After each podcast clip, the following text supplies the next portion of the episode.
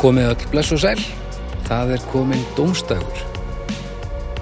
Og það er óhætt að segja að þessi dómstægur sé með, við höfum sett oft, en þessi dómstægur, hann er sko með öðru sniðin minnulega. Um, þannig sem að raðaðist heimurinn að það var ekki séns í helviti fyrir okkur fjögur að hittast og, og taka þátt fyrir þennan mánudag. Og það enda sem sé þannig að núna, klukkan 19.43, aðfara nótt mánudags, er ég sestur hérna niður í stúdíunu, einn, að kynnin dómstag, því að við ákvaðum að tækla þennan þátt á áhugaverða máta. Við sendum inn á hópspjallið okkar eitt málefni hvert sem við ætlum að taka fyrir og við erum ætlum öll að tala um það í innrúmi, bara byrna einhver stað fyrir austan, eru bara á eirstöðum haukur eru bara í baði eða eitthvað þannig, Eddi bara í kjallarannum og ég hérna upp í stúdíu og við vitum sem sé ekkert, ég er ekkert, þau senda mér sem bara fælana, ég er að þessu saman, ég veit ekkert ég er ekki búin að hlusta á neitt og, og mun ekki hlusta á neitt fyrir en ég tjáu mig. Og við ætlum að tækla þetta svona og við, það verður frólægt að sjá hvort þetta verður algjört mannaskýt sétandi röstl eða tímalaus snild sem við getum gripið í þegar, þegar stjórnunar aðast svona En það verður mjög rólega þegar að sjá hvort þetta, þetta meikar eitthvað sens að því að við höfum alls ekki tíma til þess að bregðast við ef þetta virkar ekki. Þannig að þetta fyrir loftið saman hvað og svona og það verður mjög frólægt að sjá hvað þið þarna úti segi. Þannig að, og ég veit ekki hvað auðlýsingastofum maðurinn aukur allar að skýra þessa tegum. Við erum alltaf með hestarétt og við erum með lagstarétt og svona einhver þeimu og gestina og svona. Þetta þarf að fá eitthvað svona sniðut nafn og aukur náttúrulega vinnur og auðlýsingastofum,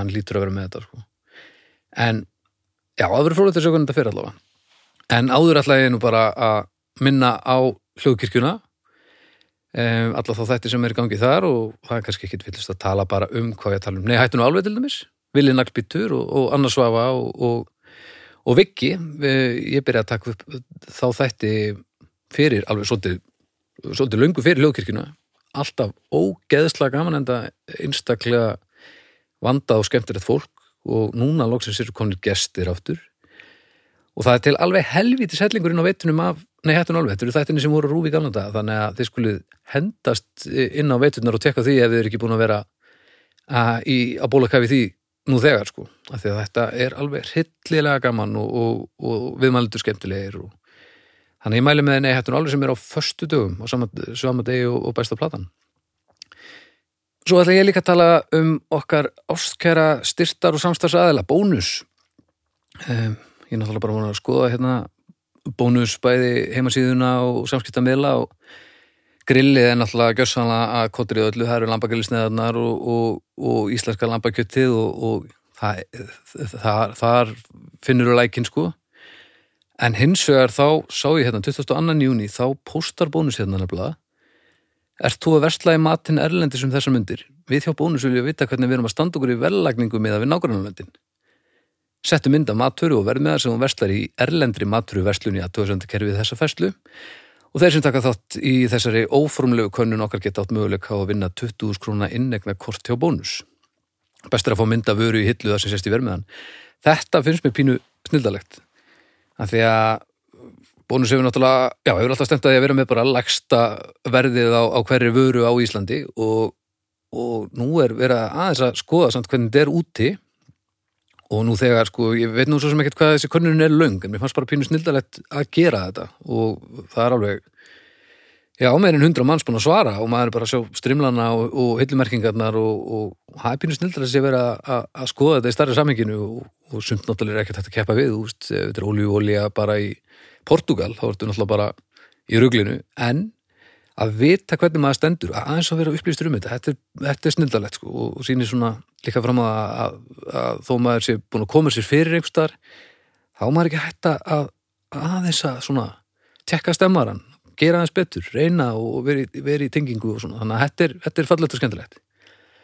Og ég sá nú líka reyndar að fólk er reyna að taka þátt, þannig að það getur vel verið að geti henst bara beint inn á, inn á Facebook og, og tekið þátt í þessu og komist í pottin en ég ætla nú ekki að fullina neitt um það, ég veit það ekki En þetta, já, mér finnst þetta pínu snildarlegt, þannig ég vildi bara minnast á þetta um leið og ég þakka bónus enn eina ferðina fyrir að, að, að færa ykkur dómstak.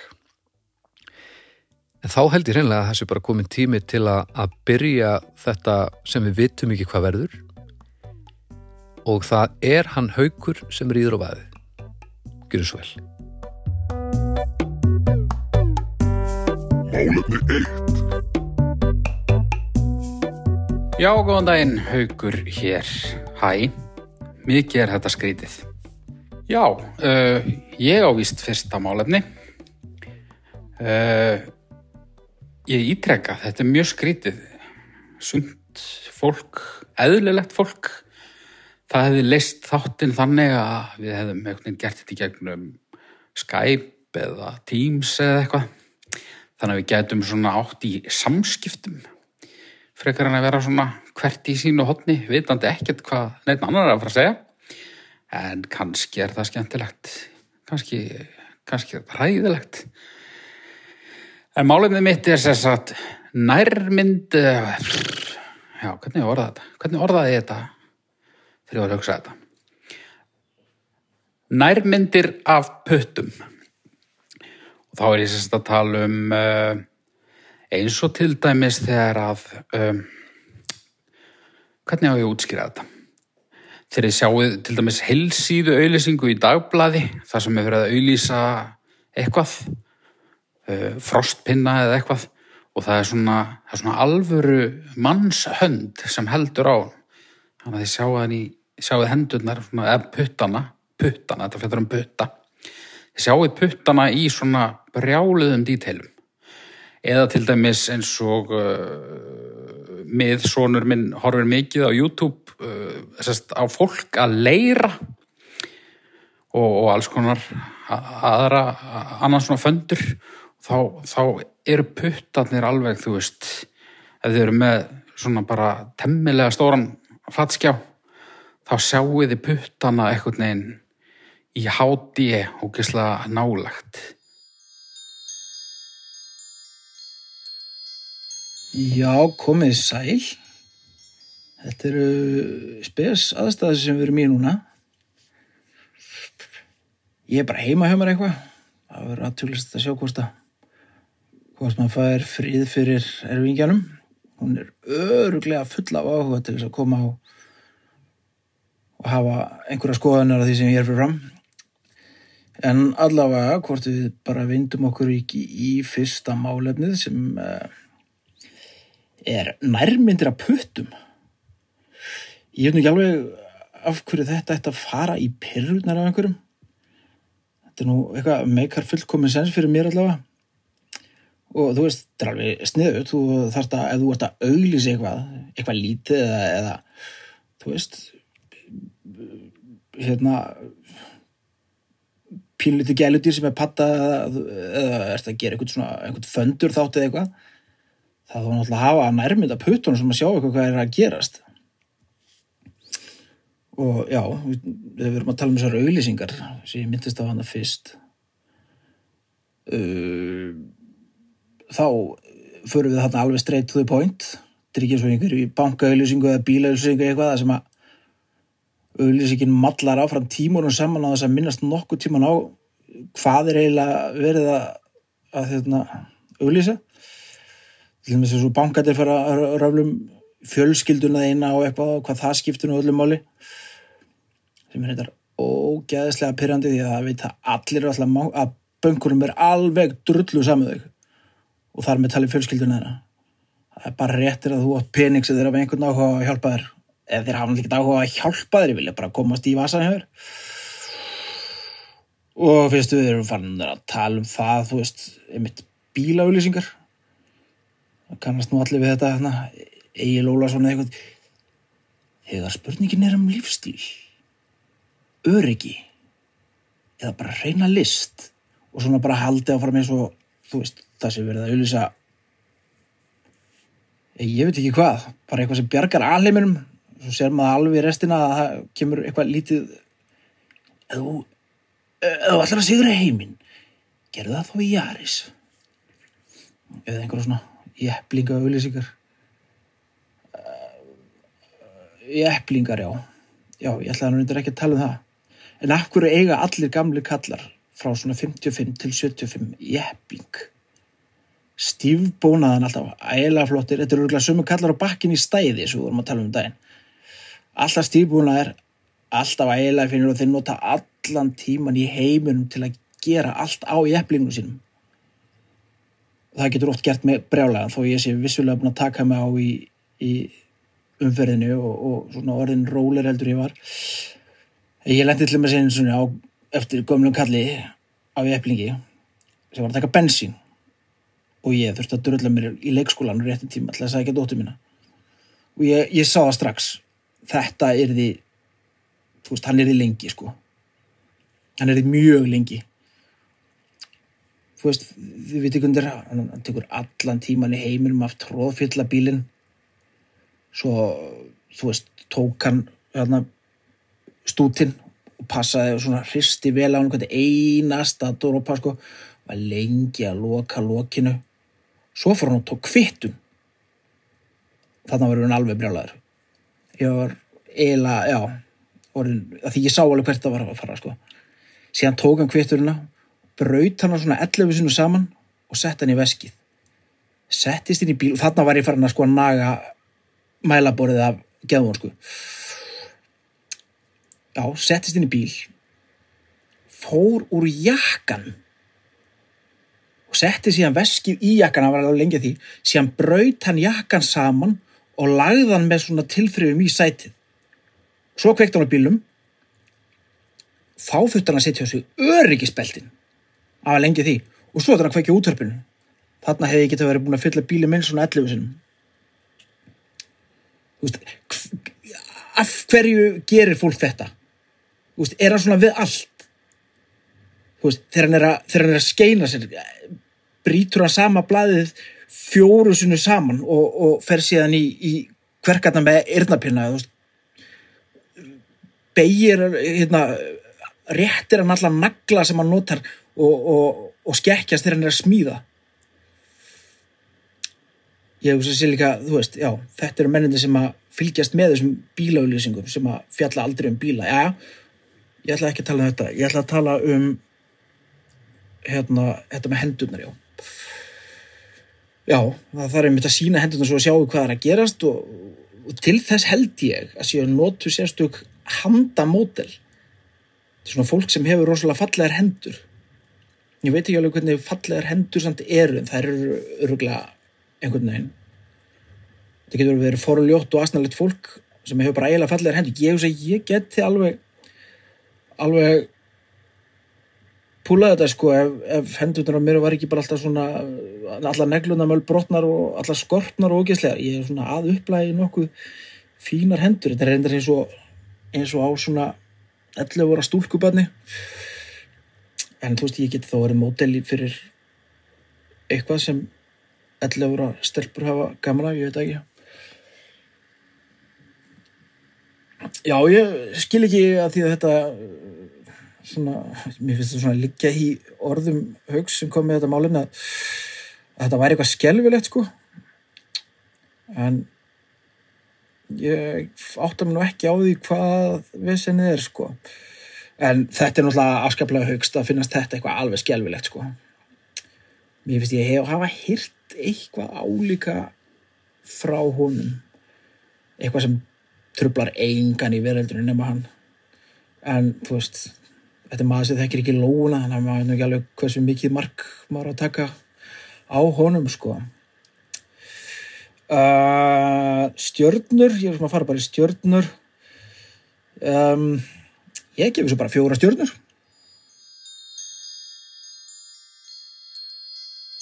Jæja, bara eins og, eins og alltaf í dómstegi þá hvað ég að þó ég vissi málefninu undirbúið mér okkur ekki neitt og ég bara sá að þetta var allt sem að komið og við að byrja og fyrsta málefni frá hauk er nærmyndra puttum. Þetta er náttúrulega ekkit alveg í lægi sko. Uh, og það að, að þvinga 1980, 1984 mótel til þess að sitja inn, inn í herbyggi og tala um nærmyndir af puttum er, er bara ofbeldi, reynilega myndi ég segja, en puttar eru astnalegir þeir heitadir eitthvað sem er ógeðslóðægilegt að því að þeir eru ekki með eins sterka persónuleika eins og nöfnin vilja gefa til kynna sko. Jú, litli putti er ábyrjandi minnstur, langatöng er yfirleitt lengst, þumalputti er eina svona alvöru verkvarið. Ég náttúrulega elska það alla, ég vinn með þeim uh, alla daga.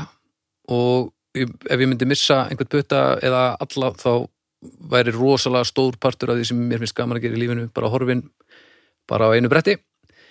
En þetta er samt ógist ef við, sjá, ef við svona horfið í lófana á gununa og því svona kreppin hefana rólega þetta er ekki lægi sko. þetta er eins og, eins og ef, ef við værum ekki við þá er þetta hörmulegur vísita skáldskapur já, þeir eru með svona það eru svona limir sem standa út úr hliðinum á, á búknum, þetta er svona semi-symmetrist nema náttúrulega það er alltaf einhver frávika þegar við erum hálf glötuð og svo svona kreppum að lófan í, í róleitunum og þetta svona gengur inn í sig nema að það passar ekki alveg.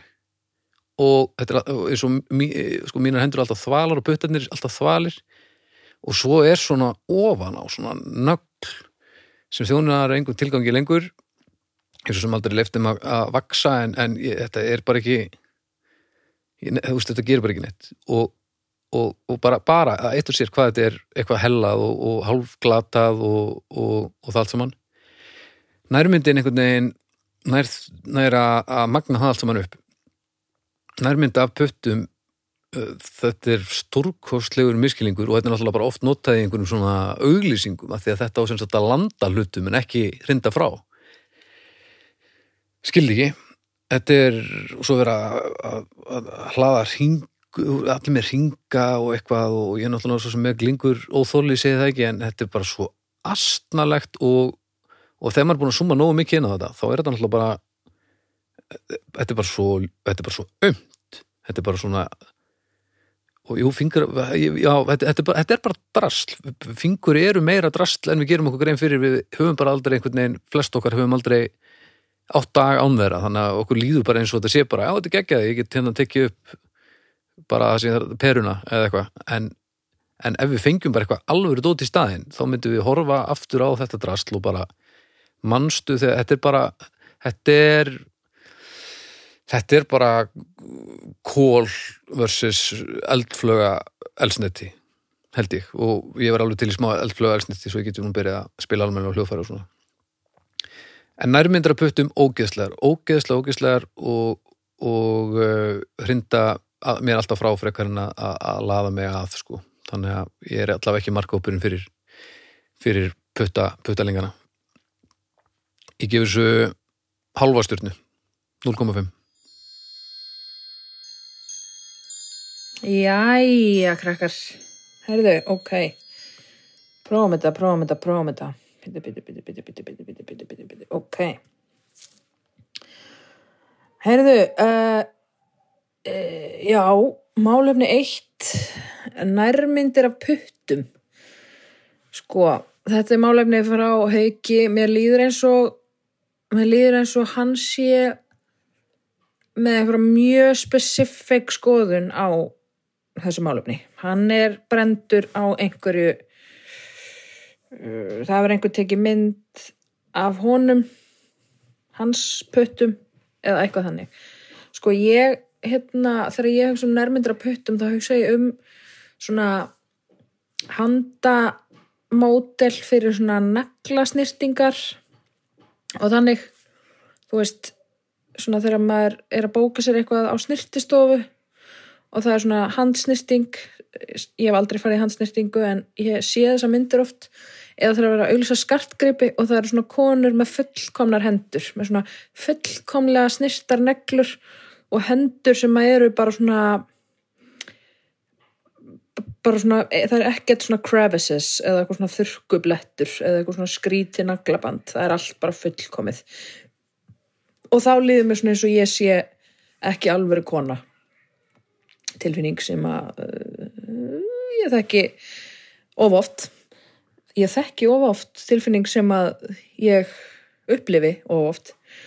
Uh, og hérna hérna sko á því leiti þá þá finnst mér þetta að vera null sko, því að þetta er að, er að kalla fram slæma tilfinningu. Að því ég, ég, ég veit að tala um þetta áður sko, ég, ég, ég átti einu svona kærasta sem að var drjóli og saði við mig að ég var með hendur eins og ég var í gammal boksari og fingurnar af mér hefði allir brotnað og ég var eins og ég væri svona recovering boksari og síðan þá hef ég alltaf verið alveg geðveikt hérna eh, já, bara með ótrúlega mikla kompleksa yfir puttunum á mér. Og hérna og svo bara eh, nokkru sinnum fyrir einhver, hérna, einhver verkefni þá hefur svona, hefur verið teknað nærmyndir af fingurinn á mér. Og það, til dæmis fyrir eitthvað promo, fyrir eitthvað sýningu þá var ég svona að hekla og það var hérna svona nærmynd og þá var ég bara svona, á hvað fingurinn á mér eru glæsilegir. Og mér veist og ég svona, mynda svo trúlega vel með að við hvað ég með viðbjóslega boksarapilsu fingur í alvörunni. Nema svo hérna sagði einn samstagskona mín bara svona, oh, Birna með svo fallegar hendur. Ég bara hérna svo, svo æðislega hérna, fallegar hendur og, og þá byrjaði ég svona að horfa á hendurnar á mér aðeins öðruvísi og bara svona horfa á þær með jákvæðu hugafari. Og núna, og þetta er, við erum að tala um það er minn en halvt ár síðan að hún sagði þetta. Og núna er ég bara svona, já, herðu, ég er bara með helviti laglegar hendur. Þannig að hérna þetta var nú sagan af því, hvernig ég tók uh, mínar eigin uh, hendur í sátt. Fallið lítil dæmis af það. En uh, já, nærmyndir af höndum sko, ég ég, já, ég nefnilega held sko, þú veist, að því að hendur sko held ég myndast það kannski aðeins betur en þeir eru í raun og veru sko, því að það eru náttúrulega svona skrítið veini þurrt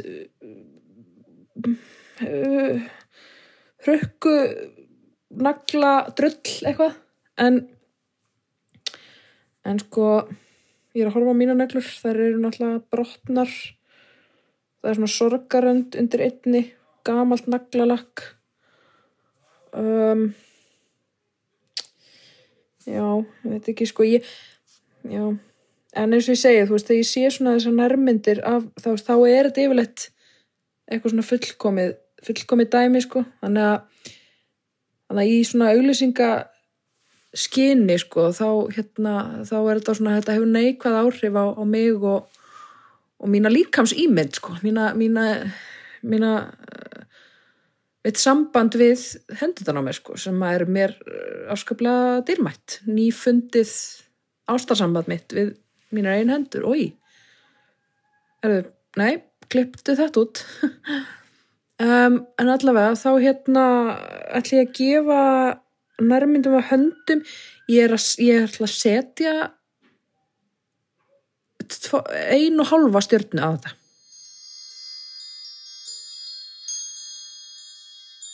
Ástæðan fyrir að ég vel þetta málefni er náttúrulega svo að mér finnst þetta ógeðslegt. Nú finnst mér puttar á fólki almennt ekkert eitthvað, minnst það er ekki træðilegir sko. Uh, ég myndi samt ekki stinga puttunum á einhverjum öðrum upp í mig til dæmis.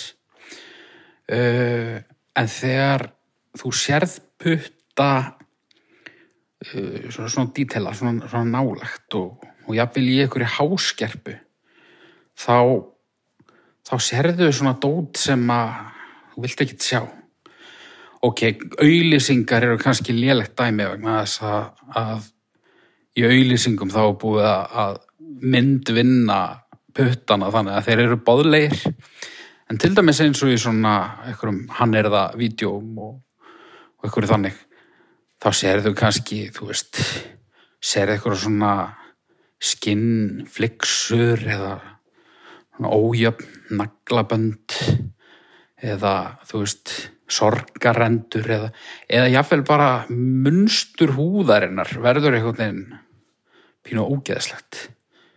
Og þú sérði jafnvel svona þú veist sérði jafnvel svona svitakirtla ímyndaði mér. Svona í einhvern veginn fingraf, að mér finnst þetta al, algjört ógeð sko. ég eða fatta ekki að mér finnst að, að mér þætti þetta ógeð fyrir en bara áðan þess svona valdi þetta smálefni það var sérst að vera að horfa eitthvað svona leirvídeó og það var eitthvað gæði með eitthvað svona hátti eitthvað svaka kameru sko. þetta var blásið upp alveg í, í sjónvarpinu og mér bara svona ætla nú ekki að segja mér hafa orðið flögurt en mér finnst þetta ekki mér finnst ekki næst sko. Puttar eiga að vera puttar, puttar eru fínir úr fjarlægð. Hárið er ágættir en og, ég, ég er að tala um svona fullorðina mannaputta sko.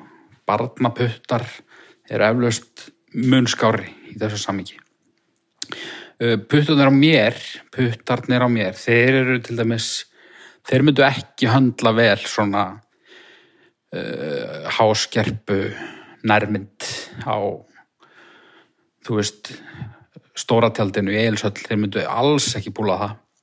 Heyru þeir har alls konar svona eitthvað ég nú hættur að naga neglutnar fyrir þó nokkur sko en þetta er allt, það er sigg og það er allt voðalegt sko þannig að um leið og ég vil bara hvetja fólk til þess að, að hérna, vera ekki að bjóða öðru fólki upp á puttana sína í ómikli nærmynd þá vil ég kannski líka bara hvetja fólk til þess að hugsa vel um hendunar á sér sko. Þannig að þú kannski tekur mynd já það er eitt til dæmis, það er eitthvað sem tekur mynd af einhverju. Bara hei ég er hérna ég held á einhverju sem að ég vil sína þér og ég ætla að senda þér mynda því.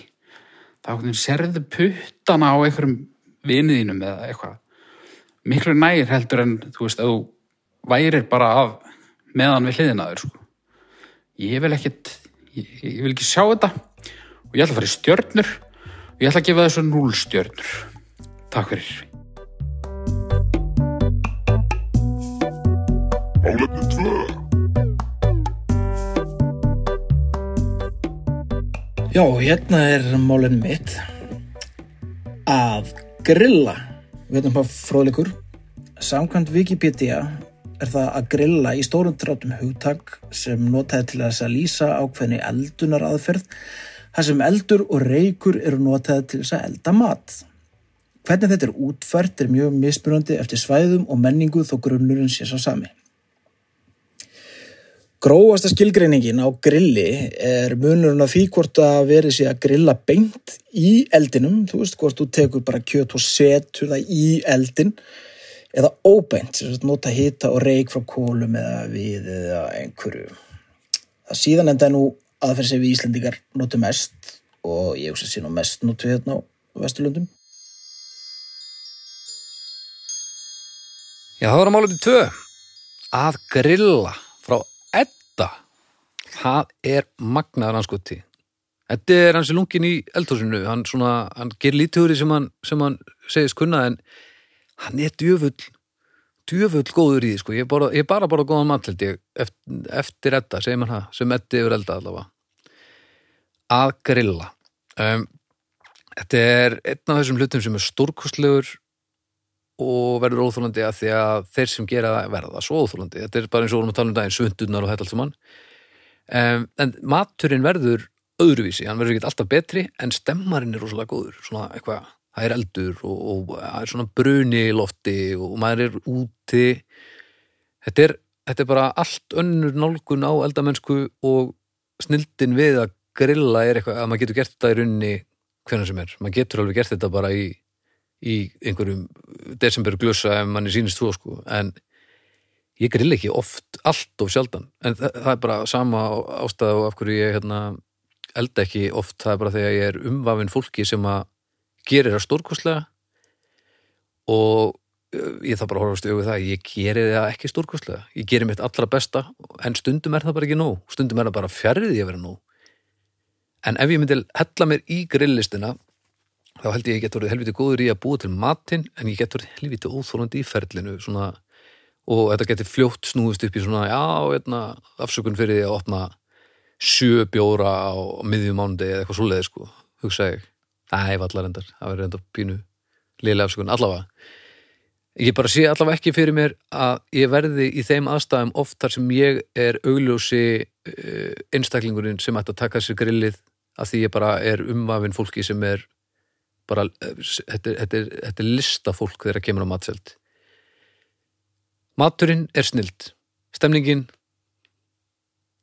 oft góð, ekki alltaf. En ef maður er í bústa það ámar að grilla. Þannig að þetta er ég er meira jákvæður en neikvæður. En mestu svona óþólandi merðir uh, svona matseldarinnar þeir koma svolítið inn á grillið. Það eru svona kalla, kallarnir og, og, og, og það allt saman. En, en það kemur kannski matseldin ekki bent við. Já, svona, já, það er bara fólk. Fólk er bara eins og það er og tímiður oft og tíðum.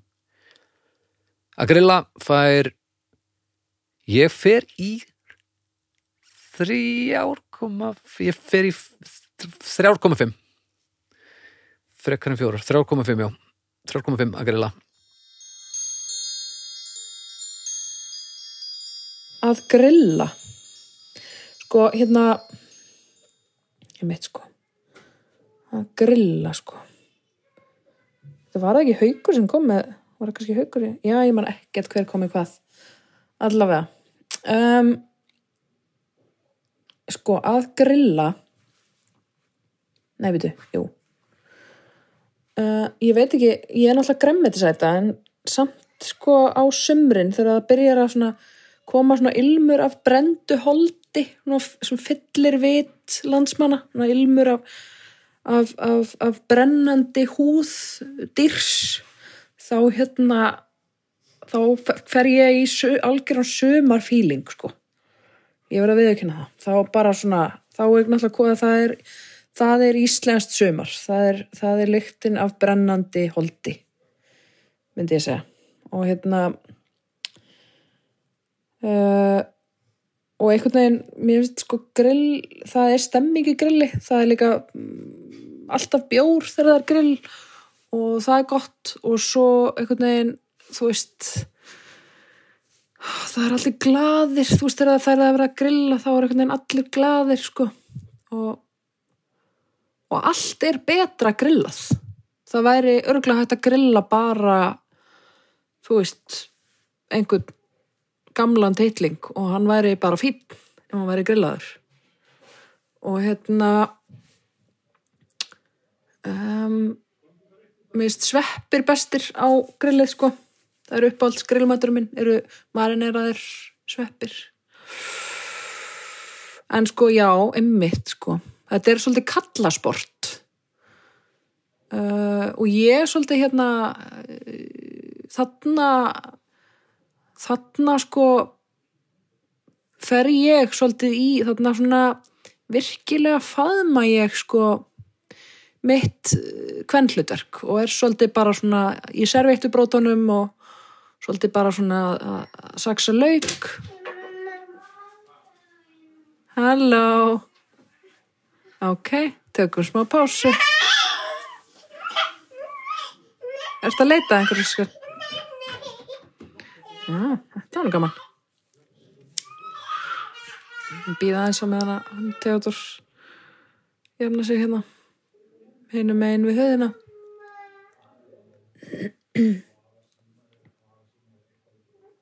Ok, uh, já, sko, þarna verður viðkynna, ég svolítið bara tek, ég bara opna faðminn fyrir uh, hvern hlutverkinu og, og ég er að saksa lauk, ég voða mikið bara svona í meðlætinu, ég búið til salat og, og, og svona, við erum með gesti þá er ég svona entertaining, þú veist, ég er svona svolítið að fara á milli og, passa að allir séu með í glösum. Og meðan átni stendur við grillið sko.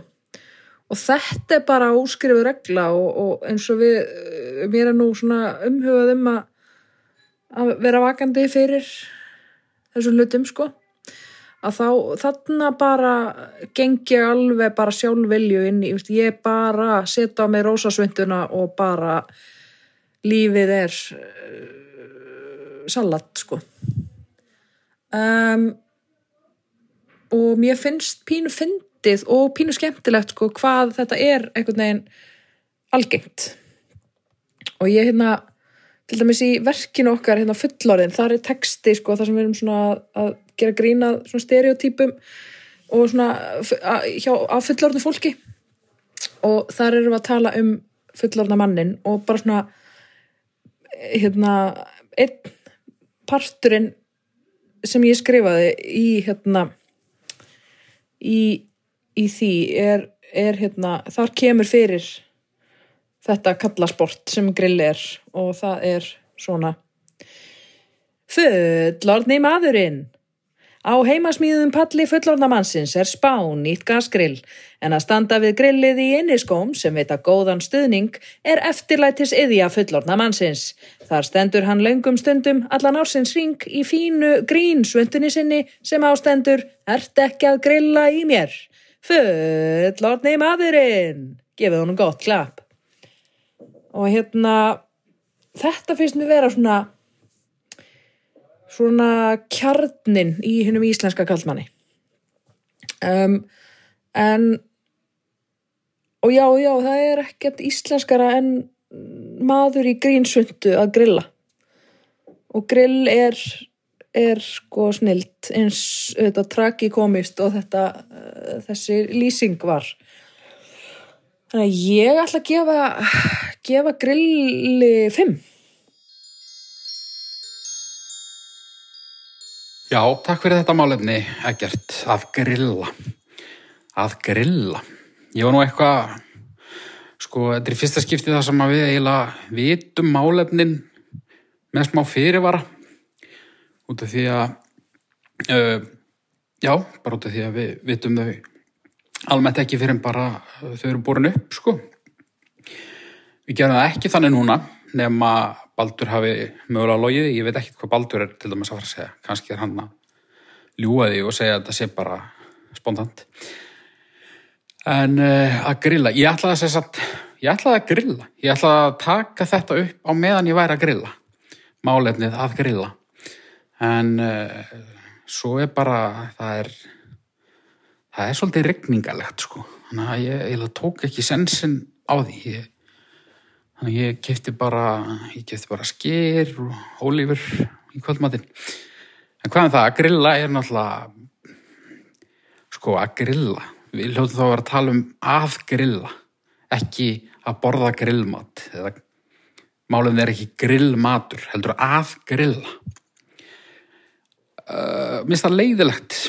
Ég ætla bara að viðkjanna það. Mér finnst, það er alveg stemning, en mér finnst það leiðilegt út af því að ég er ekki góður í og það er þessi uh, gamla tukka allir geti grilla þetta, þetta er engin eldamennska þú setur þetta bara á grillið og svo stendur bara með kaldan og hefur það næs.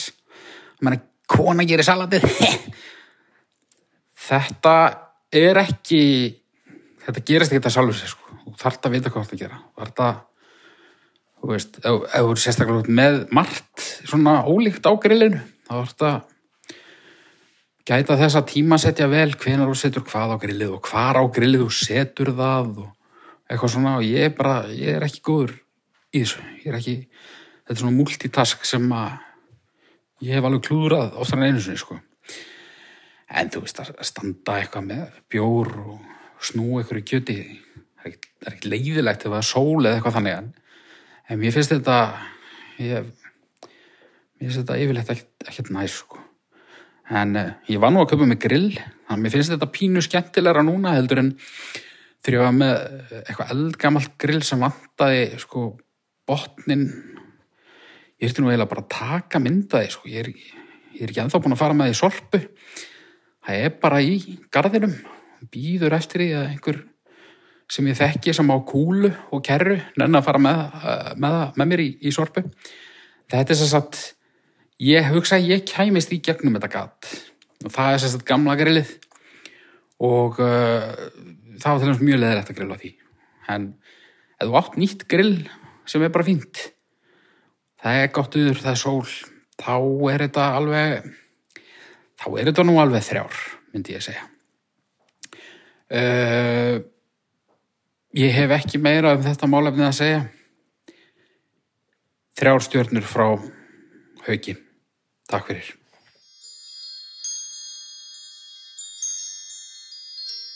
Uh, þetta er nú vantilega elsta eldunar aðferð í heimi.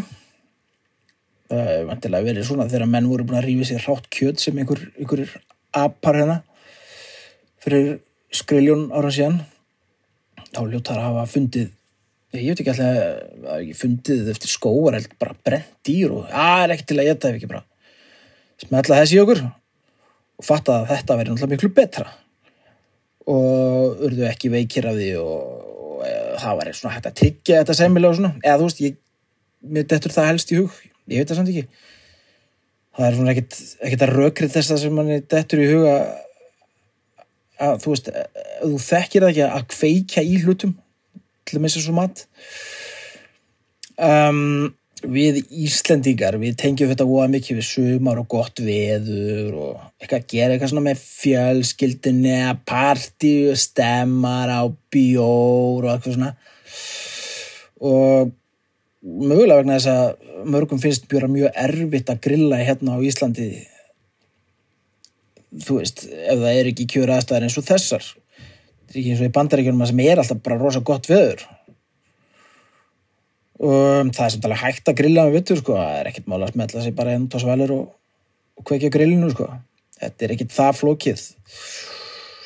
Ég hef búin að vera svolítið að vinna með þetta. Ef ég nenni ekki að elda neitt þá er þetta oft svona rosa einfalt. Og grilla kannski eitthvað svona sem er ekkit endilega eitthvað grill, ég ætlum að vera að grilla mikið bacon og pepperoni. Það er rosa þægilegt. Og ég líka bara pulsur, ef ég ætla að fá mig pulsu nenni ekkert að vera hittið í einhverju potti bara smelli svo grillið og ding, komið. Uh, það skrítast þess að ég grillaði er kjötsúpa. Það var í brúköpi sem var haldið út í sveit. Og seintu nóttina var ekki til að ég tala nema leifar af kjötsúpu svona, svona, svona groms og ég smelti því á grilli ég veit ekki hvernig mér tóstaði þetta var alltaf rennandi blöytt og ógeslegt og var bara einhver svona drulla en þetta, ég átt þetta allavega. Mögulega ástandið ekkert verið neitt rosalega gálet en ég allavega gerði þetta mm, einhverju þetta vegna þá eru alltaf kallað þeir sem elda. Ég, þú veist, þeir sem grilla sig. Ég veit ekki alveg hvað málið er með það sko kannski að því að þetta er svona einfalt, mér finnst það samt ekki það einfalt, ég fatt aldrei almeinlega hvernig, hvernig þetta er tilbúið sko. ég þarf alltaf að skýra í þetta og aðtuga en kannski, þú veist, er þetta bara eitthvað kallaði bara, þú veist, þú þarf að læra bara eitthvað eitt, það er bara að banka svolítið í kjöttil og þá veit meira hvernig það er tilbúið. Og þið þurfum ekkit annað þannig að mögulega er þetta og þá, og þá festa, eins og við vorum að tala um fyrir nokkur um þáttum síðan, þá, þá fara menni í svona stórar svundur sem stendur kannski eitthvað eitthva sniðut á sem að mér finnst óþúlandi ég vil ekki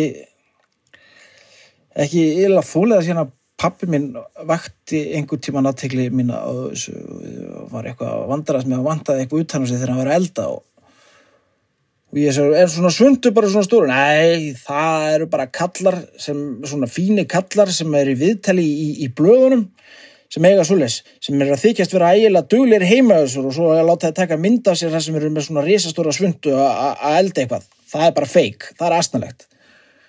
Og ég held að það sé rétt hjá hann. Það notar engi svona svundu í alvöru nema þeir sem aldrei taka til annars hendinni heima á sér að þetta er ekkert sérstaklega þægilegt sko, þetta er meira svona eins og maður notar í fristjúsinu eða eitthvað, eða slátur og svona. Þú veist, það er alveg búið að drepa dýrin sko, maður er ekkert að fara að skera rótlutur á háls heima hansi sko. Um, þetta er náttúrulega rosa pleppalegt eitthvað, ég veit ekki alveg af hverju það er og, hvað á ekki að vera að grilla er sérlega pleppalegsta setning sem að sem ég veit um? Það breyti því ekkert að grillmatur er rosa góður yfirleitt. Fyrir náttúrulega eftir hráöfnum og allt þetta uh, og allar fyrir mína parta þá er ég nú svo smittara sem plebbisma að mér finnst alltaf ég þurfa að vera með bjór þegar ég grilla en, en ég er fann að grilla svo ofta ég heila, er nú pínu hættur en ennaði en ég er oft svona stendbaði að þegar ég er að fara að snúa í kjötuna og grip ég svona þú veist, maður setur alltaf bjóri svona á, á svona hilluna hann á, á grillinu ég stendi mjög ofta því að vera að fara að tegja mig í bjór og fatta að ég er ekkert með neitt bjór. En ég býst nú við að þetta fari nú að lagast það sem að mann drekkur og aldrei bjór lengur. Um, að grilla er það ekki bara rosa fínt? Ég alveg fatta þá sem að krullast upp á tánöglunum þegar þegar minnst er á grilla því það er svo pleppalegt ég veit ekki af hverju það er svona pleppalegt sennilega kannski vegna þess að kallar sem aldrei taka til hendinni annars verða eitthvað svo plebbalegir þegar þeir fara að grilla. Æ, ég veit ekki. Um, ég samt alveg að grilla. Ég fer held ég í fjóra stjórnu bara.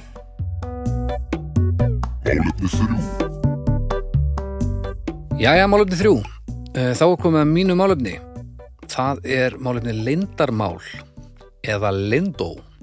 Ég er nú ekki með eiland fróðuleik en við vitum öll hvað þetta er. Þetta er þegar að maður segir annarkvort einhverjum eitthvað sem maður vill að frettist ekki og, og viðkomandi má ekki fara með það lengra eða einhver segir manni eitthvað sem að maður má ekki segja öðrum frá. Það er svona grunn útskýringin á þessu. Þannig að lindó eða lindarmál. Lendarmál um, Lendarmál, já. Sko lendarmál eru spennandi. Um, þau eru spennandi. Þau eru líka sko geta verið aldrei ljót sko. Þau eru oft neikvæð. Þau eru svona jákvæð þegar maður er batn oft og síðan verða þau oft svona pínu neikvæð sko þegar maður er eldri eða svona þá, þá er oft lendarmálin eru daldið oft svæstnari sko eftir því sem það verður eldri sko. Og svona slúður sko tengi lendarmál svolítið við slúður. Uh, en þau eru samt nöðsynleg svona þau gefa gefa svolítið svona krydda svolítið tilveruna sko. En á sama tíma þú veist þá er maður úrslega oft einhvern veginn þú veist að magna hvað uh, þú veist þegar maður segir einhverjum eitthvað eða þú veist hversu oft hefur maður heyrt einhvern þú veist segja mann eitthvað svona já hún hérna hún lendir náttúrulega í, í þessu og hérna náttúrulega bara alveg mistið það og svaf hann hjá þessum og bla bla bla og eitthvað. Og en þú, hérna, hún, hún, hún sagði mér þetta bara í trúnaði, sko, þannig að þú, hérna, þú þú veist, þú segir engum frá þessu og maður svona, nei, nei, nei, emitt og síðan svona, segi ég einhverjum frá þessu og svona, já, hún náttúrulega lendi í þessu en, en ég, náttúrulega, ég lofa að ég myndi ekki segja neinum, þannig að, hérna þannig að bara, eh, náttúrulega, þú þetta fer ekkert lengra og, og, og, og svo heldur þetta náttúrulega pottitt svona áfram. Þannig að ég held að leyndamál séu líka náttúrulega afstæð sko, fólk er gæslega oft bara veist að leyndamál er svo löngu hægt að vera leyndamál en, en það er samt allur úslega meðvitaður um að veist þetta verður aldrei rætt í stórum hópi. En já, þetta, ég er kannski meira að tala um slúður en, en samt þetta er samt sko, já, leyndamál sko, já, hvað svona, já, já og svo líka svona, þú veist, svona leyndamál eins og þú veist, þegar maður er óléttur eða eitthvað þannig að, þú veist, áður maður segir fólki frá því, þá er það svona leyndamálið okkar, það er svona jákvæmt, það er svona fallegt um, en þú veist, þegar maður lít, þú veist, ég var í lein, leinufélagi þegar ég var badd, sko, leinufélaginu Dröll. Og þar, þú veist, voru við dálítið að njóstna um fólk og, og, og, og hérna áttum, þú veist, döllkóða og eitthvað svona og ég er svona já, svona batna lindamál sko, þau eru daldi, þú veist, það er daldi fallegt sko, það er mjög jákvætt og mjög skemmtilegt sko. Og, og mér liður eins og þau verði svona oft svona aðeins meira dark, þú veist, þá erum við svona meira að tala um, þú veist, eitthvað svona þú veist, að fólk gerði eitthvað eða, þú veist, já, eitthvað svona það má engin vita þetta. Og, og það er yfirleitt, þú veist, af því að þá getur þú lent í einhverju klandri eða komist þið kast við laugin eða sært einhvern eða, eða e, verið ávittur eða eða einhvern veginn í litin hotnöga af samfélaginu eða eitthvað svo það má enginn vita að, að ég gerði þetta eða að mér finnst þetta eða eitthvað svo leis Uh, en hafandi sagt það þá væri þetta óskandi að margir myndu bara hafa skoðanir sínar uh, sem lendamál að því að þær eru svo glattar en, uh, en það eru þetta ekki þannig lendarmál sko. Ég held að ég fari í bara þú veist tvær og hálfa því að það bara svona jafnast út. Þetta er svo ótrúlega þetta er bara svona eins og bara þú veist, ég veit ekki hvað. Þetta er svona, þetta er bara svona eitthvað alveg basic dæmi hjá fólki en á sama tíma ótrúlega sko þú veist, getur verið ótrúlega jákvætt ótrúlega neikvætt en einhvern veginn bara verður að vera og hefur alltaf verið og verður alltaf. Þannig að ég fyrir tvær og hálfa Leindarmál, þetta er nú þetta er nú með betri málefnum sem ég hef heyrt frá þér, Baldur, ég vil nú bara segja Leindarmál um, og óskilalegt að þetta hafi ekki verið tekið fyrir áður. Um, Leindarmál eru þau eru snilt held ég. Ég er sko ég hugsa ég sé í meðalægi áhuga maður um, um slúður og kjæftasögur.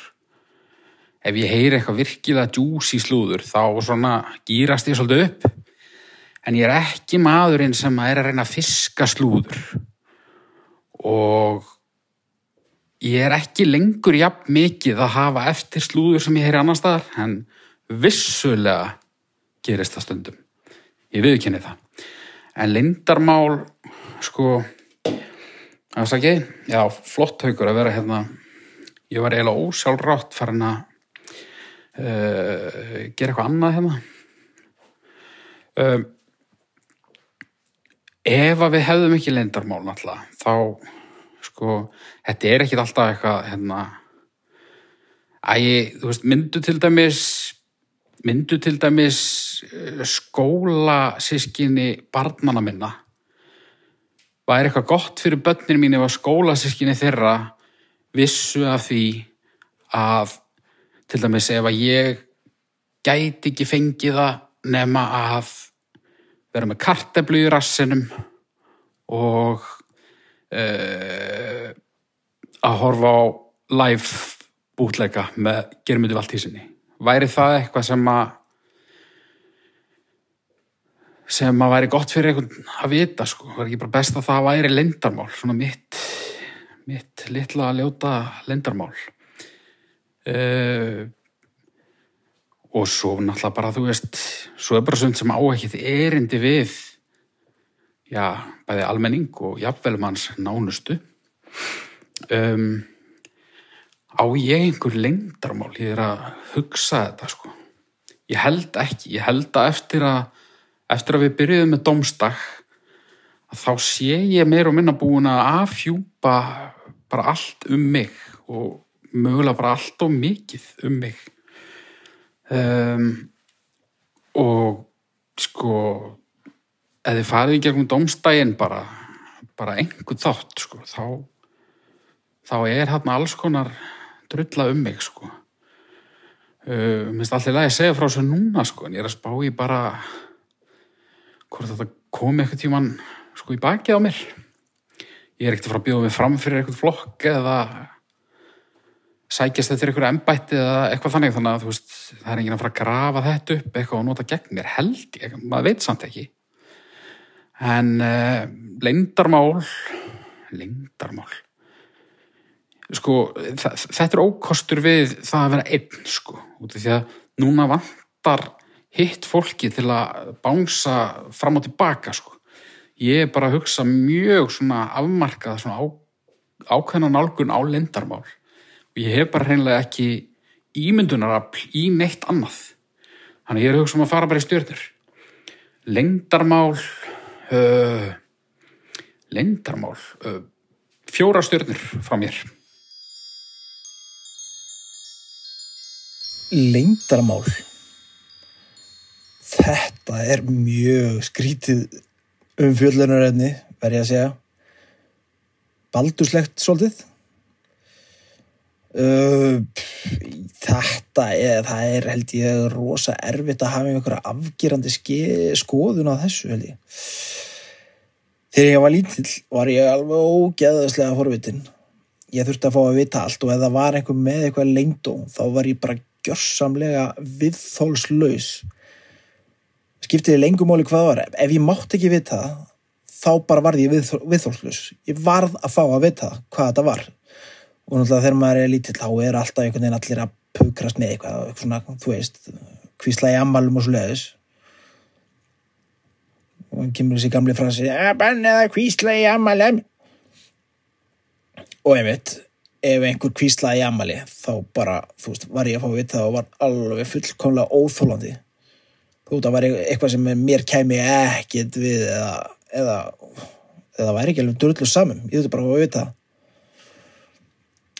Það uh, þú veist lindamól ef, ef það er ekki eitthvað, eitthvað ógeðslegt plott í gangi og einhver svona óheillindi og, og einhver mannaskýtur þá bara, þú veist fæn. Það verða allir að hafa sitt privacy sko. Ég til dæmis kæri mig bara ekkert um það að fólk viti allt um mig. Og bara, og bara sem minnst. Ég vil bara að fólk viti bara ekkert um mig. Mér er bara drullu saman þá eða bara, mér finnst það bara betra sko. Um,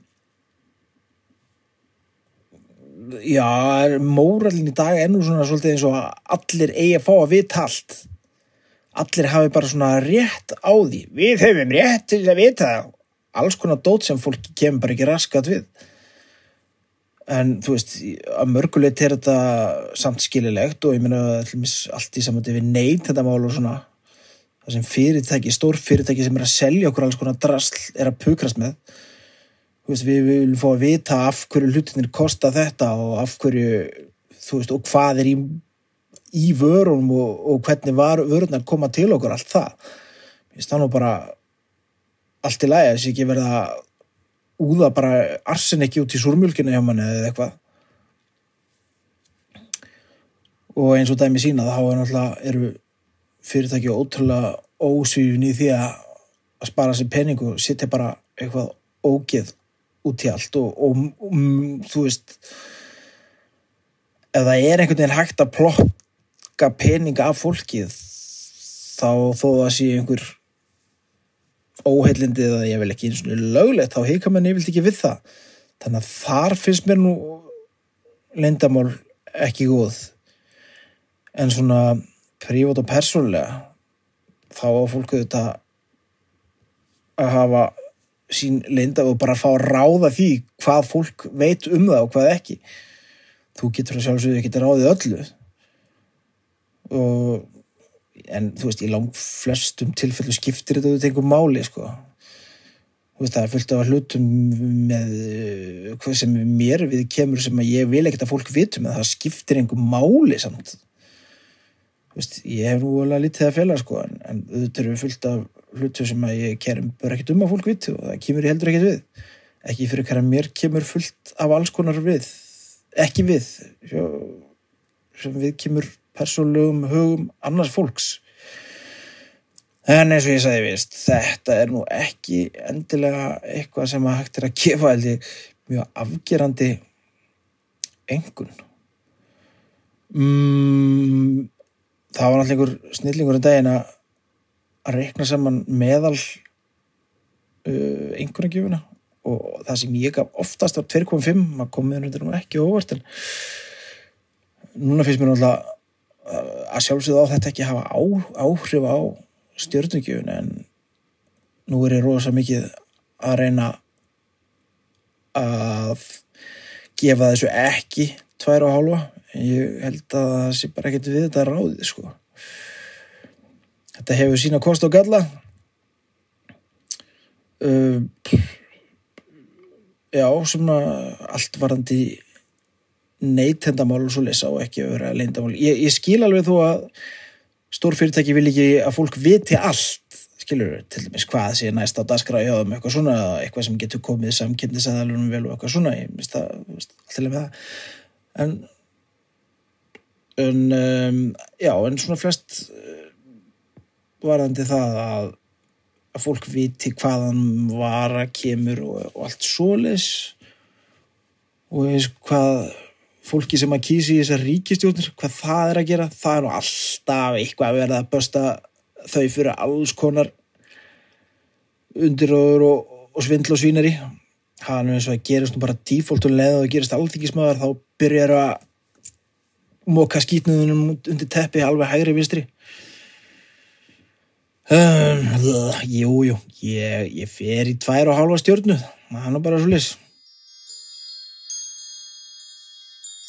Lindó er illa skrítin?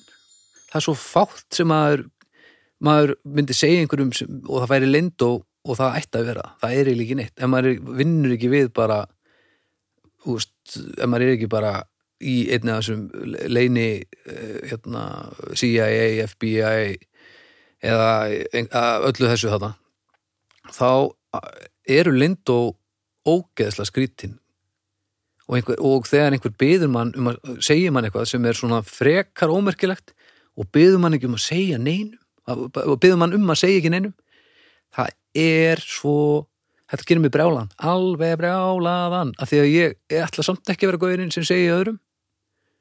En samt er þetta svo ómerkilegt að það er svo skrítið að megi ekki segja einhverjum þetta er eiginlega alltaf þá ómerkilegt að maður má ekki segja neinum, að- það myndi ekki neitt breytast ef maður myndi segja einhverjum það Það bara, ég, ég held ég að við fengið að vita svona tvö lendó sem eru þess virði að, að, að öll lendó sem ég hef fengið eru lendó, þannig til að ég fæ grænlega og annað, en ég held að það hefur bara tvö frá upphafi verið svona að þetta er lendó sko.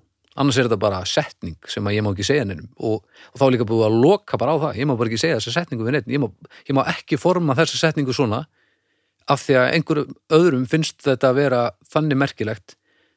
Og að, ég, að það megi ekki fréttast. Og þó ég sé ósámála þá ætla ég ekki að vera lindóbrjóturinn þannig að þetta er mér finnst þetta alveg asnart og svo líka ef maður er með fullt af lindóum þá er maður bara dæmdur til þess að fokka upp lífinu. Ef maður er með að tökla miljón lindóum og eitthvað líka bara við, fyrst, bara við fyrsta lagi ef, ef þú heldur allt sé lindó ef þú ert með miljón hluti og ert alltaf að og að, hinum og þessum þá ertu náttúrulega bara að, sem grunnstæði lífinu bara á röngum stað að ef þú, maður á ekki að þurfa að, kvistla einhver, hei, ég ætla að segja þér svolítið en það mátt ekki segja neinum en oft er þetta um þriðja aðila en ég myndi segja að fyrnist um leið og annar aðili segir manni þetta af því að hann mátt ekki segja manni það og þá er maður með fritt spila með að segja hverjum sem er þannig lagað. En þú veist það er svona grátsveið vissulega. En já, ef maður, ef, ef manni líður eins og ég ætla að segja eitthvað sem enginn má vita þá þarf að vera helviti djúsi sko.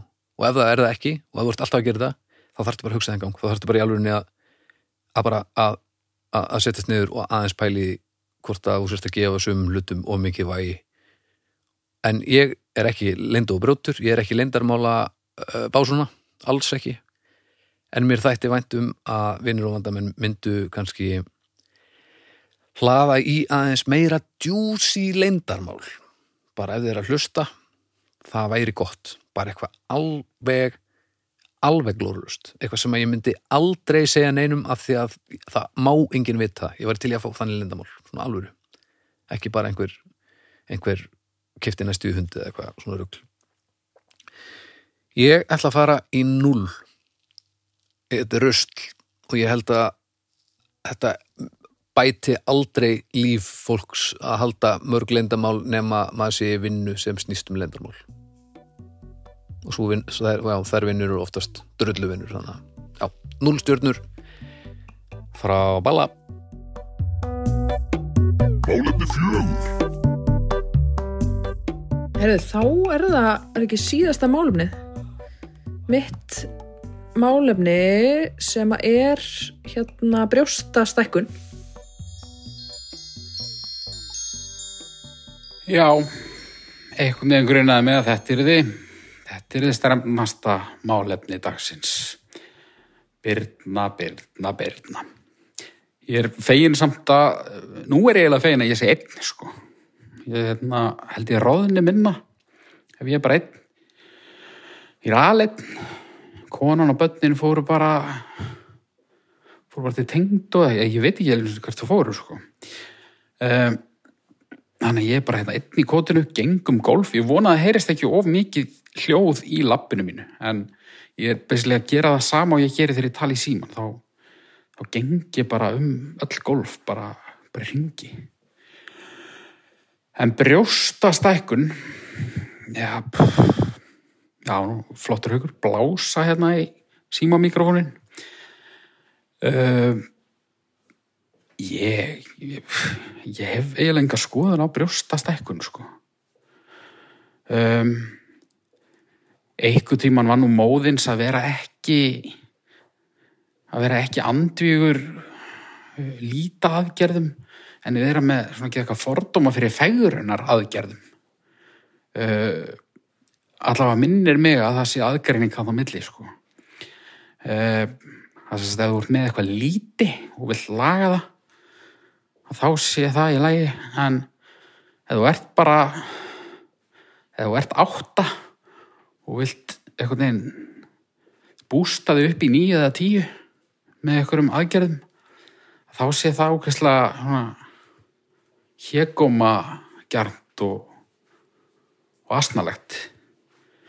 Eh, þetta var einu svona svona viðtekin skoðun svona réttsýna fólksins sem að ég tel mig nú hluta af. Uh, vonandi réttilega en þetta er náttúrulega bara að kæfta þig sko. Ef að þú vilt fara í eitthvað aðgerð hvort sem að það er að veist laga brjóst sem að fokkuðust eitthvað upp út af því að batnið þitt saug allt innan úr þeim í eitt ár eða bara þú ert bara með fínar búbbur og vilt bara eitthvað pumpa aðeins í þau eða bara mikið í þau. Er ekki bara flott. Já. Shit. Er ég okkur um hálum ís hérna? Ég held ekki, ég held ég sé bara nokkuð safe. Ég allavega með hækandi aldri þá er ég bara dottin í svona bara, já, já, flott. Ef þetta er eitthvað sem þú vilt þá bara flott nú eru kannski einhverjir að hugsa já, já, hann er að spila sig úaðalega við sínan hann kannski þorir ekki að segja það sem allir karlmenn hugsa sem er það þeir vilja bara konur með risa blöður en það er ekki rétt. Það er nefnilega ekki rétt. Uh, sumir karlmenn fíla lítil brjóst og aðrir fíla stór brjóst. Og karlmenn, þú veist ha, nú er ég nú svolítið heteronormatífur verði ég að segja því að það er fólk af öllum kynjum sem fílar brjóst en allavega fólk fílar sumi fíla þetta og aðrir hitt og svo náttúrulega gamla fólkið eins og ég það fílar eiginlega bara allt sko. ég bara, þú veist ef ég væri singul og það var ekkert að frétta og ég myndi bara eitthvað sjá okkur að, þú veist, okkur að 53 ára konu á kringlu kráni með lafi tútur. Það væri bara fínt, sko. Mætti alveg vinna eitthvað með það. Vá, ég er einn heima og ég er frá að tala ekki þetta látt. Uh, ég ætla að fara í stjörnur. Brjóstastækkanir, eða stækkun, eða hvernig sem þetta var orðað. Það er fá fimm stjörnur frá hauki. Takk fyrir. Brjóstastækkanir, já. Æ, ég veit það ekki maður. Uh, brjóstastækkanir sem sé að láta stækka á sér brjóstin. Ég hef aldrei skilið þetta fyrirbæri alveg. Af því að af hverju viltu hafa stór brjóst? Þetta gerir mér ekkert fyrir mig, ekkert meira. Ég hef nú örgulega sagt að einhvern veginn þessu þáttum, mér finnst bara að skipta meira máli hver er með brjóstin. Þá skiptir engum máli hvernig þetta er í læginu eða hvað þetta er stórt eða hvað, þú veist. Eh, Ég gerir ráð fyrir því að þetta sé, já ég veit ekki hvaðan þetta er eiginlega komið, þetta er nú ekki, er nú ekkit nýtt fyrir bara, sko. Þetta hefur verið gert áratugum saman og virðist vera alveg ennþá í tísku það er núna er mikið tísku að setja eitthvað svona sílikondrasli varirnar á sér og lítur svona út eins og önd eða eitthvað. Mér finnst það alveg hryllilegt. En greinilega fullt af fólki sem finnst þetta mjög fallegt. Og allt í lagi þá bara gera með það. En, en ef, ef þetta er vegna einhverja útlitskomplex eða eitthvað þá er þetta þetta freka glatað. Eða ef þú ert að gera þetta fyrir einhvern annan eða þú ert bara að fara að tróða einhverju drastli einhverstaðar inn í þig að því að að því þú heldur einhver vilji að þú sért svoleiðis ég, ég bara skil það ekki. Veist, ég er með rosa stór eyru ég hef aldrei nefnt að spá eitthvað eða það að fara að minka þau eða eitthvað að laga þau til. Mér er bara, þú veist þetta verður bara að vera svona. Ég er fucking gorgeous hvort sem ég er með stór eða lítil eyru eða gráhærður eða gamall eða einhvern veginn. Ég gerir mig svo sem alveg grein fyrir það finnst ekki öllum að vera gorgeous kannski er þetta bara ég og mín mitt sjúka ego en allir lagi. En ég meina ef þið langar sjúklega að hérna, hafa ógeðslega stór brjóst þá auðvitað máttu það. Þú veist, þú mátt alveg láta græða þig elgsótt fyrir mér eða, eða tattu vera tussa á enniður eða þú veist, eitthvað. Láta græða ljósasýrju eða jólaljósa sýrju raskinnarnar á þeir eða eitthvað sem er reynda mjög flott ef maður pælir í því, að vera með svona dauf ljós af jólaljósa sýrju svona innundir skinnunu það, já. Það er glata sítja með reyndir sem er reyndir eitt. Uh, er ekki eitthvað óþægilegt að vera með stór brjóst? Til dæmis eða þið finnst betra að sofa á maganum. Ef þú veit maður ægilegar bjöllur þá einhvern veginn ertu bara komin allir í u og eitthvað. Eða öll vantilega mann ekki eftir mörgum kallmennir sem hefa farið í brjóstastækun. Það er allavega ekki á leiðinni að gerast hjá mér. Um, þannig ég, já, ég er svona praktikin í þessu er nú eiginlega engin sko. Þannig um, eins og ég sagði þá gera stór brjóst ekkert fyrir mig og, og svona hjúts blöðrur einhverjir eins og sömur er að setja í sig er nú bara astnaleg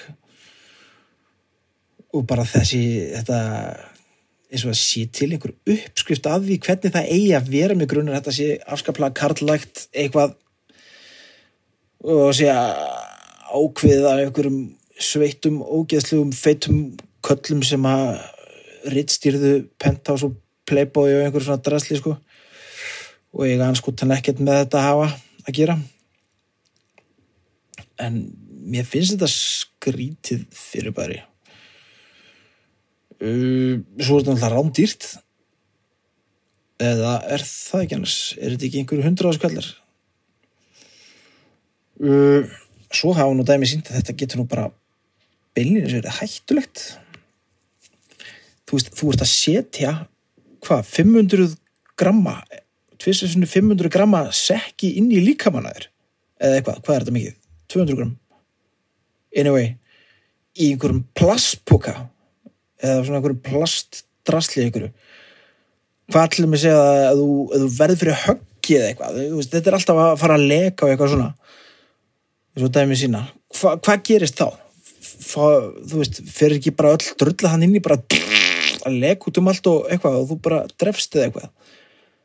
Eða þú veist, fær bolta í þetta eða eitthvað. Ég, veist, ég veit það ekki uh, mögulega, ég veit ekki er, er einhver dæmi um það að þetta sé þetta sé bara beinleins nöðsilegt að þurfa að gera þetta? Ég átta mig ekki á því. Það getur vel verið það sé til í einhver svoleiðis einhver svoleiðis tilfelli.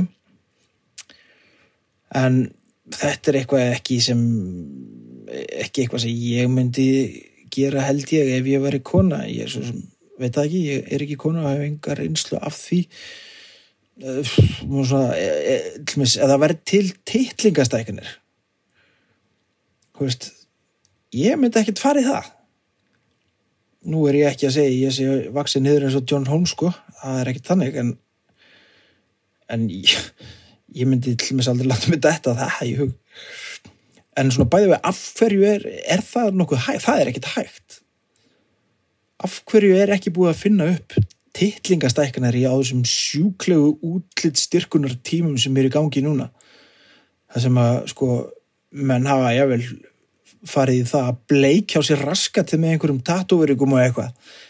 Af hverju óskupunum er ekki búið að græja þetta? Þarna þetta er nú einhverjur mestu komplexi sem kallmenn geta haft. Af hverju það sem þetta er nú allt saman mjög kall með og allt allar, allt þetta dót af hverju er ekki búið að finna upp einhvers konar svona sílikon tillingagræjara einhverja?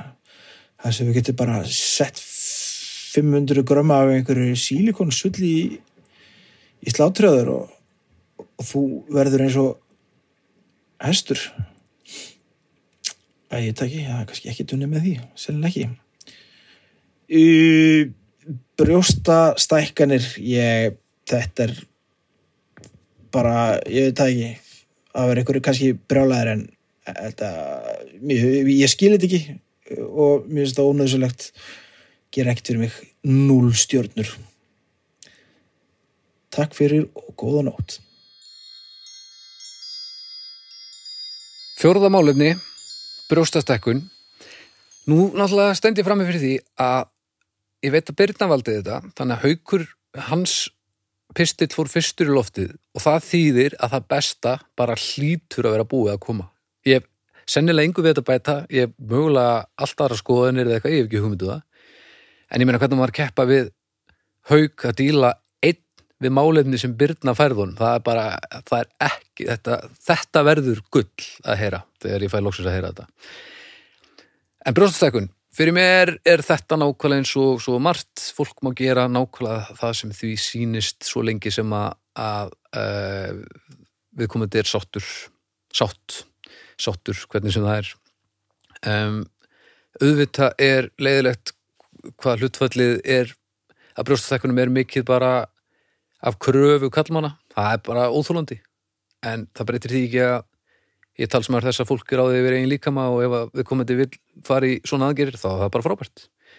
Og hún er bara byggt á, á hérna, hlutum sem að einstaklingurinn er sátur við í framtíðinni. Því að það er bara svona eina sem ég pæli að ef ég myndi taka einhverja svona drastískar aðgerir með mig þá væri ég alveg til ég að geta tekið hana ungur og svo í dag verið jafn sáttur sko.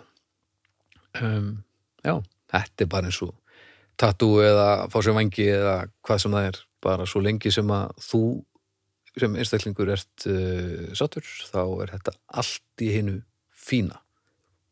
Og aðrir með að ég þetta mannaskitt en það væri rosalega gott ef öllum, auðvitað væri gott ef öllum liði bara alltaf vel en, en svo má maður bara ekkert ákveða neitt fyrir fólk sko. Já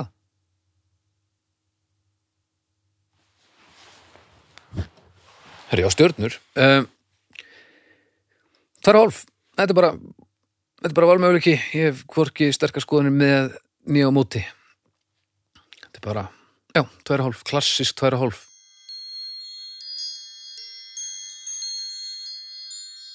Uh, já, ég veit ekki af hverju mér datt þetta í hug en sko já, brjóstastækkun sko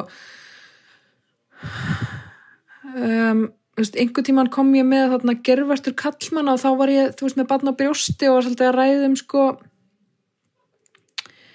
bara eh, hvað brjóst kallmanna eru mikið um, mikill sorphaugur og, og, og drastl um, á sama tíma langar mig að, segja og þannig er ég að tala sko, þetta, þetta er persónuleg reynsla, ég er ekki að tala fyrir alla konur sko en hérna að þú veist stór brjóst eru bara svona uh, af hverju? Ef þú veist það er bara ég væri, ég væri persónulega mest til að vera með engin brjóst af því að þau eru bara til trafala. Þú veist það þarf að hysja þetta upp í einhverjum þar til gerðum djöfulsins höldum sem að kosta augun úr ef þetta á að vera gera eitthvað anskotan Vist, ég er núna í, í brjóstarhaldara sem kostaði 18.000 krónur. Það er náttúrulega bara fáránlegt og, og, hérna, og það er sko bara vegna þess að þú veist ég er alltaf líka bara á sviði og eitthvað svona og, og, ég er alveg með brjóst. Þannig að þú veist ég hérna kemst ekkert upp með að vera bara í einhverjum djöfulsins H&M druslu. Þannig að ég þarf að kaupa mér þú veist almennilegan brjóstarhaldara sem er þægilegur og veitir góðan stuðning og svona helvitisrögl og, og það kostar þetta, skiljiði mig. Já, auðvitað að fá hann ódýrari en þú veist, þú ferð ekkert einhvern svona almennilegan svona brjóstaraldara á þú veist, minna en bara 7000 eða eitthvað. Og það er óþrandi um,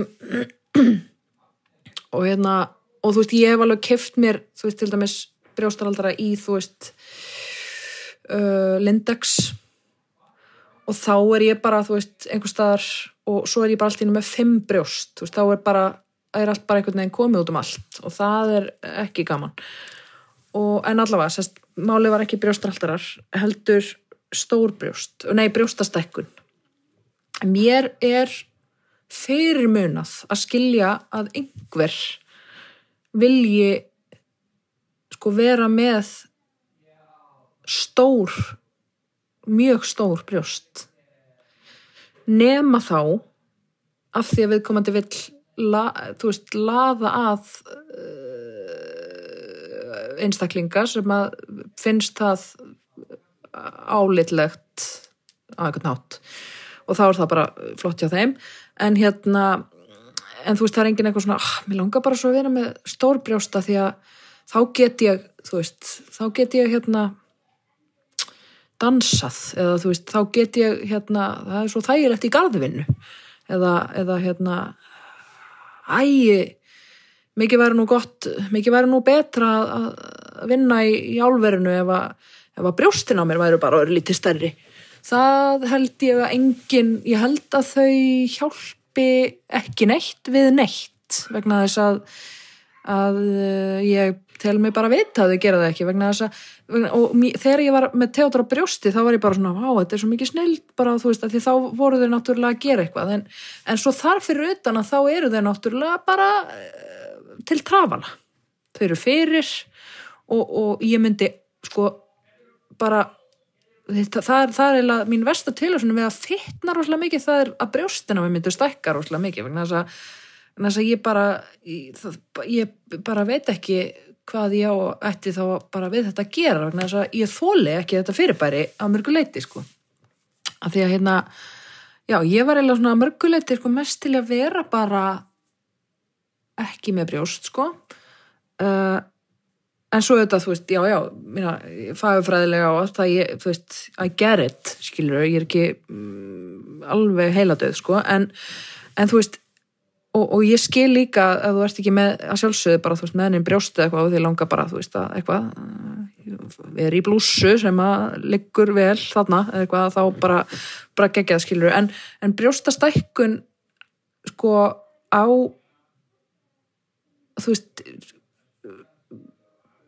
ef þú ert á hana bara með brjóst sko ég bara skil, ég bara, ég bara skil það ekki af því að þú veist það hlýtur að vera þú veist þetta er svo pyrrandi svo pyrrandi dæmi sko. Burðast með þetta þú veist, þú skilur þetta ekki eftir heima? Nei. Þannig að hérna já.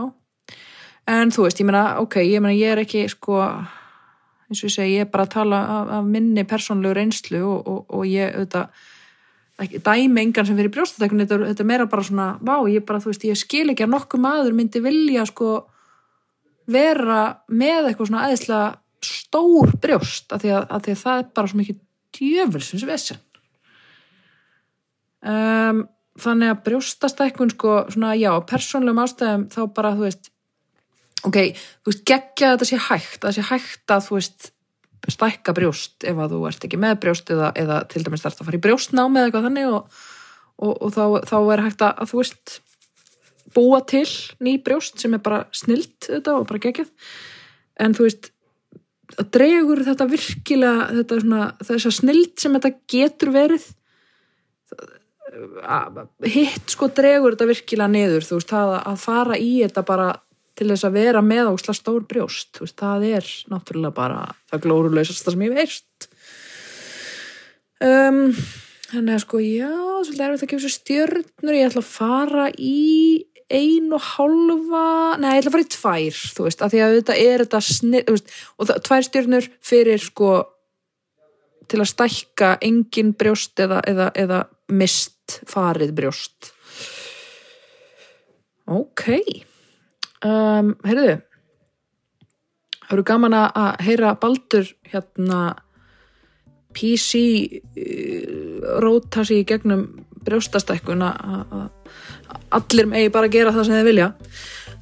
Hlaka til.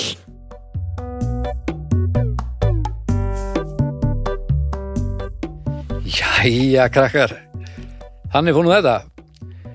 Um, Ég hef ekki eh, þegar ég er að, tala núna ég hef ekki hugmynd um hvernig þetta fór. Ég veit ekkert hvort þetta sé frábært eða drastli eða einhvers þar á milli en þetta var allavega mjög áhugaverð nálgun á, á það og, og við vorum með fjögur, þið geta allavega ekki verið brjáluð við okkur að því að vanda eitthvað, það er alveg reynu Þetta var allavega skemmtileg tilurinn, saman hvaða og ég ætla bara að kveði ykkur uh, takk fyrir að hlusta.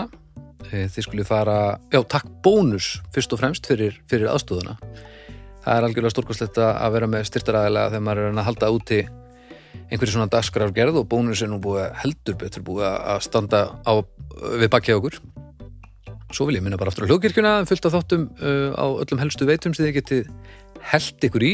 Eitthvað til að dómstegi líka að vera að byrja núna. Þetta er mjög óhefbundi þáttur og það eru einhverju sólarhinga til þannig að þið getið bara, bara að tekka á því. Um, svo vil ég bara minna á domstagur.com þar sem þið farið og gefið þessum álefnum stjörnur og getið gefið líka stjörnur ef þið eru að hlusta á eldri þetti þeir eru bara mertir með, með númeri og, og, og þá getið þið haft sem sé áhrif á risastóra gagnagrunni sem við erum að, að búa til þar sem að þið getið skoða heldalistan af öllum álefnum og uh, þar erum við að búa til gagnagrunni sem mun sína svona hvað fólki á þessum tíma þetta er svona fyrir fórlega fræðinga framtíðarinnar að sjá hvað Íslendingar voru að hugsa í þessum dægur efnum á þessu tímabili. Við erum í raunin bara að leta þeim lífið sko. þannig að þetta er mikilvægt starf, mjög mikilvægt starf. Domstag.com, þið tekja því. Og svo minnum við á domstagur umræðu hópur á Facebook þar sem að, að margir eh, góðir einstaklingar eru konið saman ræða ákveðin mál, komum með hugmyndir. Við dróðum nú ekki seknum í dag en við, við draugum oft úr, úr seknum og uh, það er verið að hendin hugmyndum í hann þar og bara almenna vanga veldur og svo náttúrulega drullið við þetta. Og svo með ég endilega segja okkur þar inni hvort, bara hvernig þetta var hvernig upplifun þetta var að því að ég mér sýnist að ég haf ekki tíma til að hlusta á þáttin eftir ég er búin að setja saman. Þannig að þetta fer blind í loftið, ég veit ekkert fyrir en þetta er komið í loftið hvað hinn voru að tala um hinn voru að tala um. Þannig að þetta er, þetta er mjög mjög spennandi. Ég til í þetta.